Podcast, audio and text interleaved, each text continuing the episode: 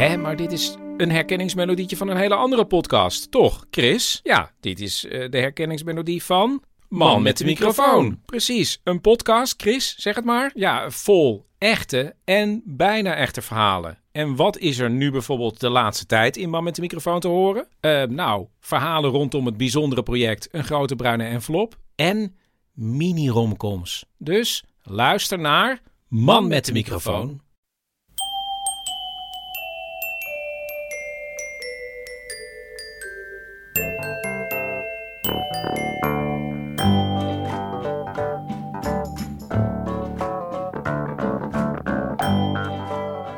Welkom bij aflevering 226 van Echt Gebeurd. De podcast waarin waargebeurde verhalen worden verteld door de mensen die ze zelf hebben meegemaakt.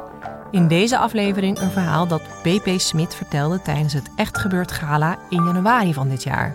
Het thema van de verhalen was toen tieners.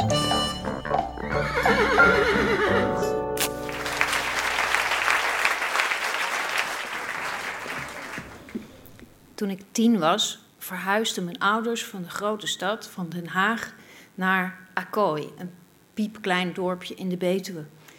Ik vond dat niet zo erg leuk.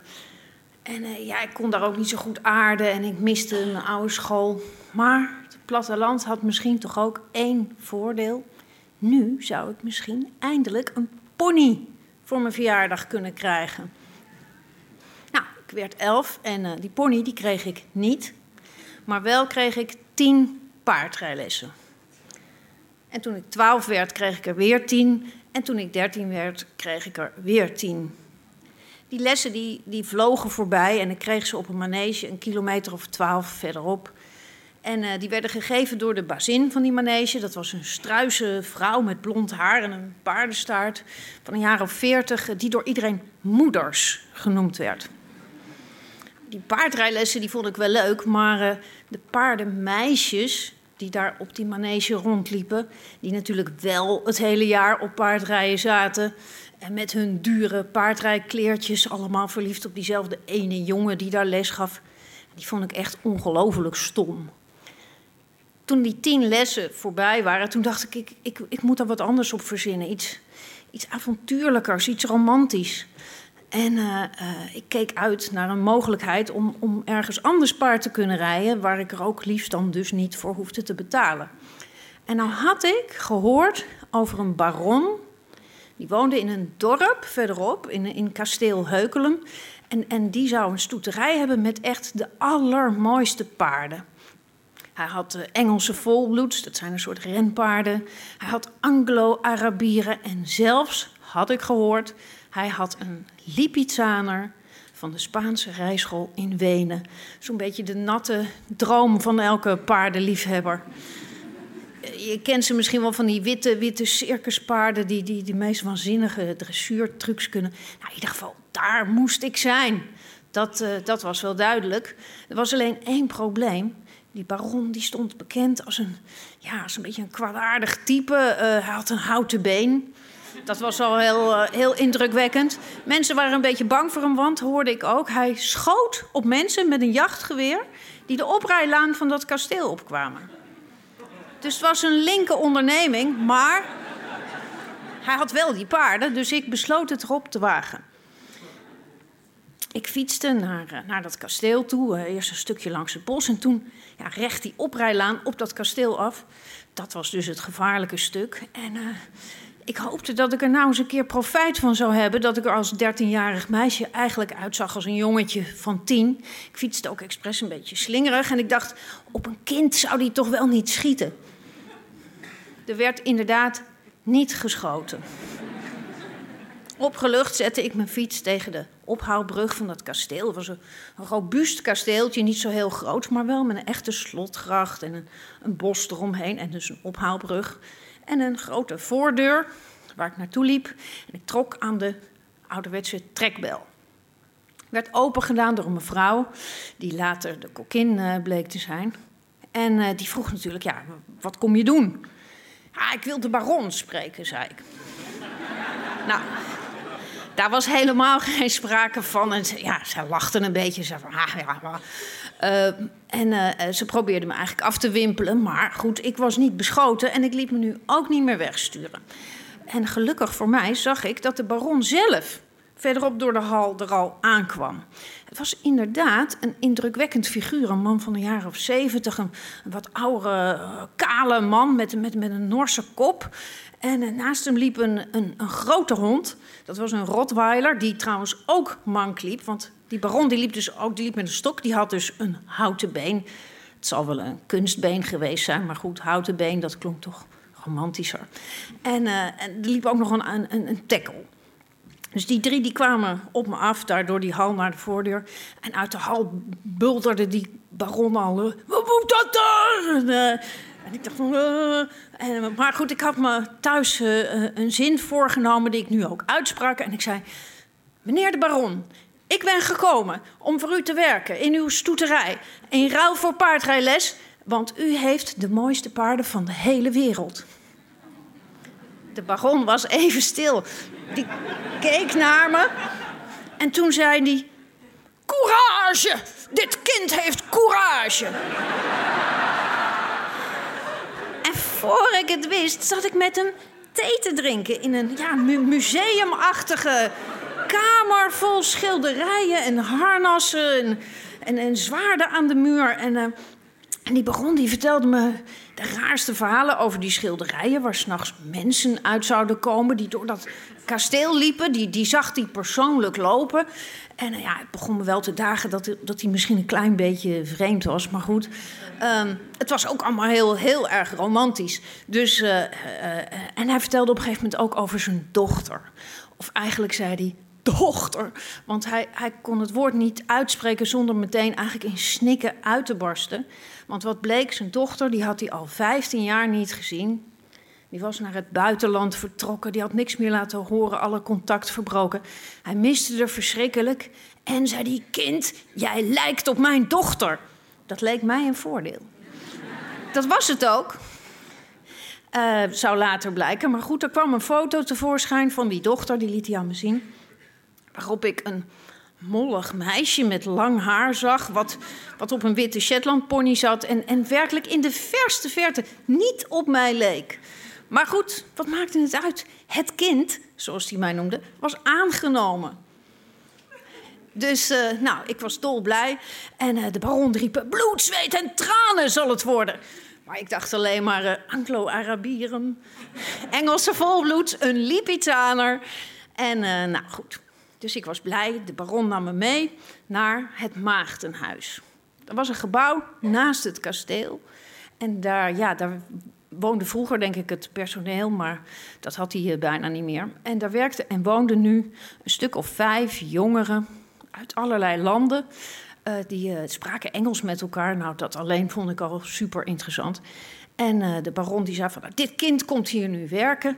En toen zei hij tegen een van die stagiaires... zadel Snow, want ik wil haar zien rijden. God. Nou, ik, ik was benieuwd wat er, uh, wat er tevoorschijn zou komen. Maar dat bleek helaas diezelfde dikke uh, Shetlander te zijn van de foto van zijn dochter. Uh, inmiddels ook nog stokoud. Het idee was dat ik rondjes moest draven op een soort grindrotonde die daar voor dat kasteel was. En uh, de, uh, de baron die ging op, op een bankje zitten tegen dat maagdenhuis aan. Die haalde, terwijl ik die rondjes draafde, haalde hij een grote witte zakdoek uit zijn zak en hij ging daar zitten huilen. En dat was, ja, dat was eigenlijk een soort van terugkerend ritueel waarmee ik in feite mijn paardrijles betaalde. Heel bijzonder allemaal.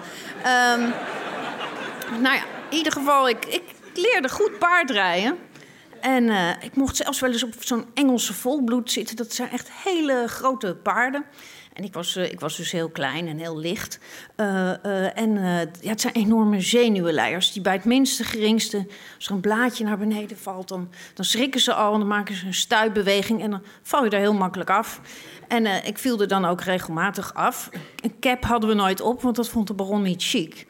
Uh, dus, uh, dus viel ik eraf en toen had ik ook een gat in mijn hoofd. het was niet heel erg, maar het bloedde wel flink. En ik werd dat de keuken, de enige gezellige plek van het hele kasteel trouwens, uh, ingesleept. En de kokkin die verbond mijn hoofd.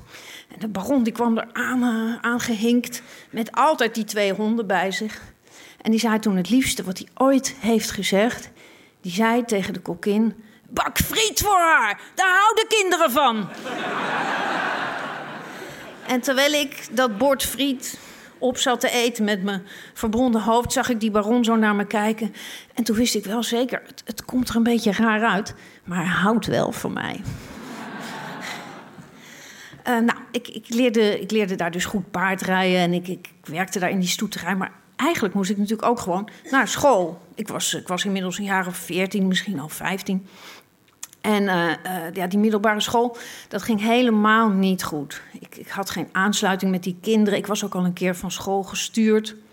En uh, ja, op die nieuwe school probeerde ik het wel dan in het begin. Maar dan was ik toch ook alweer vrij snel de draad en het hele lesrooster kwijt. En dan op een gegeven moment durfde ik dan ook eigenlijk niet zo heel goed meer naar school. Dus ik was al lang blij dat ik naar die stoeterij kon. Met al die vrije tijd. En daar waren dus de mooiste paarden. Waaronder die beroemde Lipizzaner van de Spaanse rijschool in Wenen. Daar had ik me heel wat van voorgesteld. Daar hing nog een, eh, een dramatisch verhaal vast aan dat paard. Hij was namelijk ooit gekocht door de baron voor een vrouw waar hij mee had willen trouwen. Zij was dol op paarden en hij had voor haar dit ja, peperdure, iconische paard gekocht als huwelijksgeschenk. Maar ze had niet met hem willen trouwen. Ze had hem laten staan en sterker nog, ze was verder op een manege begonnen, want het was moeders. Diezelfde moeders van de manege waar ik op gezeten had. nou, en nu stond dat paard daar als een soort, ja, levende nare herinnering aan dat hele fiasco. En het was trouwens ook een heel zagrijnig kreng. Hij had uh, altijd zijn uh, in zijn nek en hij hapte naar iedereen die voorbij kwam. Er werd wel eens voor de grap op gereden en dan bokte die verschrikkelijk. Niemand kon erop blijven zitten. Maar vertelde een Engelse stagiaire, Irene, een van de liefste die daar werkte, die, die vertelde dat dat eigenlijk helemaal niet zo grappig was. Omdat dat paard oud en stijf was en dat het een pijn deed als er op hem gereden werd. Dus dat hij daarom zo bokte. En dat hij eigenlijk zo kwaadaardig was omdat hij uh, bang was voor mensen. Dus ja, het was ook wel een beetje zielig maar ook wel een bijzonder paard. En ik besloot om daar een project van te maken. Ik had tenslotte tijd genoeg en ik uh, probeerde het vertrouwen van dat paard te winnen. En uh, ik gaf hem af en toe een worteltje of wat biks. En kon hem steeds beter aaien. En hij deed zijn oren naar voren. Begon het leuk te vinden. En op een gegeven moment vroeg ik of ik ook met hem mocht gaan wandelen. Nou, dat mocht. Dan ging ik in dat bos, waar trouwens niemand je zag. Een beetje een vervallen bos vol met omgevallen bomen daar ging ik met hem wandelen en op een gegeven moment ook een beetje met hem rennen. En nou, hij, kwam, hij werd steeds losser en hij werd uh, ook steeds vrolijker. En op een gegeven moment dacht ik, ik ga toch proberen om op, hem te zitten. Dus heel voorzichtig ging ik op hem zitten zonder zadel natuurlijk, gewoon zo op zijn uh, warme rug. En ik denk dat het kwam omdat hij me vertrouwde, maar ook omdat ik zo licht was. Dat ging goed. En het duurde niet lang of ik draafde en galoppeerde met dat paard door dat bos. Terwijl niemand dat eigenlijk wist, want ik was wandelen met hem. Nou goed, dat, uh, dat, dat, was, dat was echt wel een fantastische tijd. En uh, uh, ja, wat ik zo leuk vond aan dat paardrijden was dat ik niet zozeer dat paard mijn wil oplegde, als wel dat ik één wild dier samen met hem was. Wat daar door het bos galoppeerde en we sprongen over die dode bomen. En nou, het was, we waren een beetje elkaars redding eigenlijk. Hij, mijn prins, het witte paard. En ik zijn bevrijdster en nu dus ook bereidster. En op een dag dacht ik, eh, weet je wat, ik kom gewoon zo hop het bos uitgereden. Ik had trouwens ik had een touwtje aan dat halster gebonden, zodat ik een beetje kon sturen. Anders was dat natuurlijk lastig. En uh, ik kwam dat bos uitgedraafd. De baron die zat toevallig op dat bankje, die ziet dat. Die greep meteen weer naar die grote witte zakdoek en... Oh, quel courage! Je hebt mijn, je hebt mijn paard uh, weer uh, helemaal in conditie gekregen. Die, die vond dat fantastisch. En van toen af aan was dat paard een beetje mijn paard. Nou, met die baron zelf ging het niet zo goed. Hij was al best wel vreemd toen ik daar was komen werken, maar hij werd eigenlijk steeds raarder. Hij ontplofte om het minste geringste, hij schreeuwde tegen mensen. Ze werden ontslagen en uh, één voor één vertrokken die stagiaires zo'n beetje daar. En, en op het laatst was eigenlijk alleen Irene, die Engelse stagiaire, nog over. Ja, en ik. Maar anderhalf persoon voor die hele stoeterij. Ja, dat was een beetje weinig. En toen kwam er bericht van zijn dochter. Ze zou terugkomen uit het buitenland. De baron was helemaal doortollen. Hij wond zich verschrikkelijk op. Die, hele stoeterij die moest opgeknapt worden. Alles moest schoongemaakt worden en geverfd. En ja, wie moest dat doen? Nou, wij. Maar die hele stoeterij was al te veel werk voor, voor, voor ons. Dus dat, dat ging helemaal niet. En hij won zich maar op. En ik geloof dat we wel tien keer per dag werden ontslagen. En we trokken ons eigenlijk ook niks meer van hem aan. En het, het, kon niet goed gaan. En het ging ook niet goed, want op een ochtend kwam ik aangefietst. En toen stond de ambulance voor het kasteel. De baron had een hartaanval gekregen. Hij werd het kasteel uitgedragen op een brancard. En ik fietste er gauw nog naartoe. Ik stond daar zo te kijken. Ik zag dat en, en ja, misschien heb ik me verbeeld, maar toen hij zo die ambulance inging, toen richtte hij zich nog een beetje op en zwaaide naar me. En dat was het laatste wat ik ooit van hem heb gezien. Want de volgende dag was hij dood. Vlak voordat hij zijn dochter weer gezien zou hebben. Tja, en een paar dagen later stond die dochter voor onze neus. Ze was enorm doortastend. Alles moest verkocht worden. Het kasteel, de paarden. Wat niet verkocht kon worden, dat moest naar de slacht. En uh, het gekke was, ik had Whiteface, zo heette die Lipizzaner. Ik noemde hem altijd Witje, omdat ik een stomme naam vond. Maar goed, ik had dat paard gekregen. Hoe dat precies kon, dat weet ik niet. Maar ik denk dat Irene erachter zat, omdat hij anders naar de slacht moest. Maar thuis vertelde ik dat ik een paard geërfd had. Want een geërfd paard, dat konden mijn ouders niet weigeren. Dat deden ze ook niet. En uh, als ik het maar uh, zelf uh, allemaal regelde en verzorgde en betaalde, dan, dan vonden zij het best. En niet lang daarna reed ik het kasteelterrein af. Op de rug van mijn eigen paard. Het was zover. Weliswaar een heel gammel exemplaar van inmiddels 27, maar toch een Lipizzaner. Hij mocht op stal staan bij een vriendin tegen kostprijs. En uh, uh, ja, eigenlijk zou ik dus heel blij nu moeten zijn, maar, maar de waarheid was dat ik. Ik was net eigenlijk een beetje ook aan het ontdekken dat er wel iets anders was dan alleen maar paarden in de wereld. Ik ging wel eens naar een feestje. Ik had nieuwe punkvrienden gemaakt in Gorkum. En ja, en, en nu moest ik opeens. oh ja, jongens had ik ook ontdekt. En nu moest ik opeens al mijn zakgeld en tijd aan dat paard geven. En of het nou kwam dat ik niet zo heel goed voor hem zorgde. Of gewoon omdat hij zo oud was. Paard werd ziek.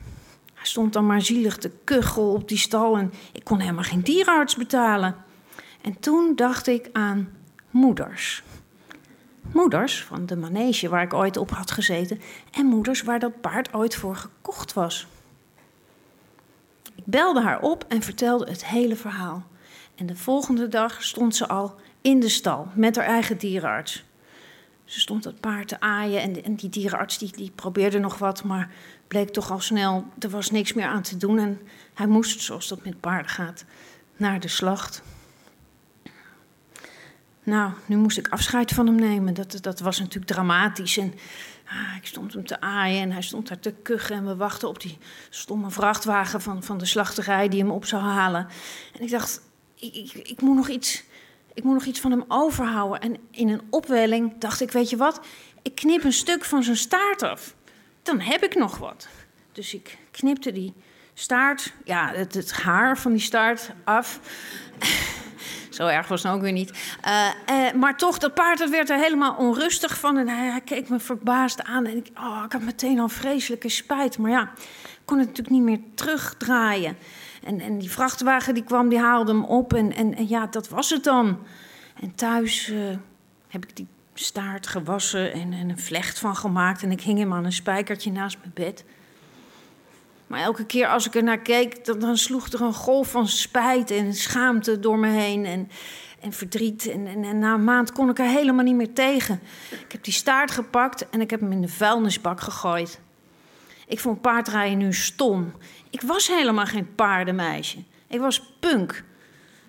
Ik heb mijn haar gemillimeterd en niet lang daarna ging ik het huis uit om te wonen in dat stadje waar ik die nieuwe vrienden had gemaakt. En ik heb nooit meer paard gereden.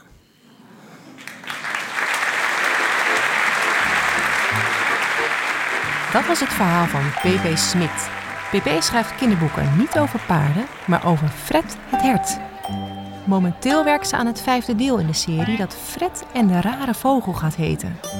Kijk voor meer informatie op www.fredhethert.nl. En als je dan toch lekker op het internet zit, kijk dan op www.echtgebeurd.net, want daar vind je alle data van de komende Echt Gebeurd in Toemler in Amsterdam. Kom een keer luisteren. Of nog beter, doe als pp en kom zelf vertellen. De redactie van Echt Gebeurd bestaat uit Paulien Cornelissen, Micha Wertheim, Maarten Westerveen en mijzelf, Rosa van Toledo. Eva Zwaving doet onze productie en de zaaltechniek voor deze aflevering was in handen van Jochem Vrijland. En natuurlijk de podcast, dat doet Gijsbert van der Wal. Dit was aflevering 226. Bedankt voor het luisteren en onthoud, alles in het leven draait om courage.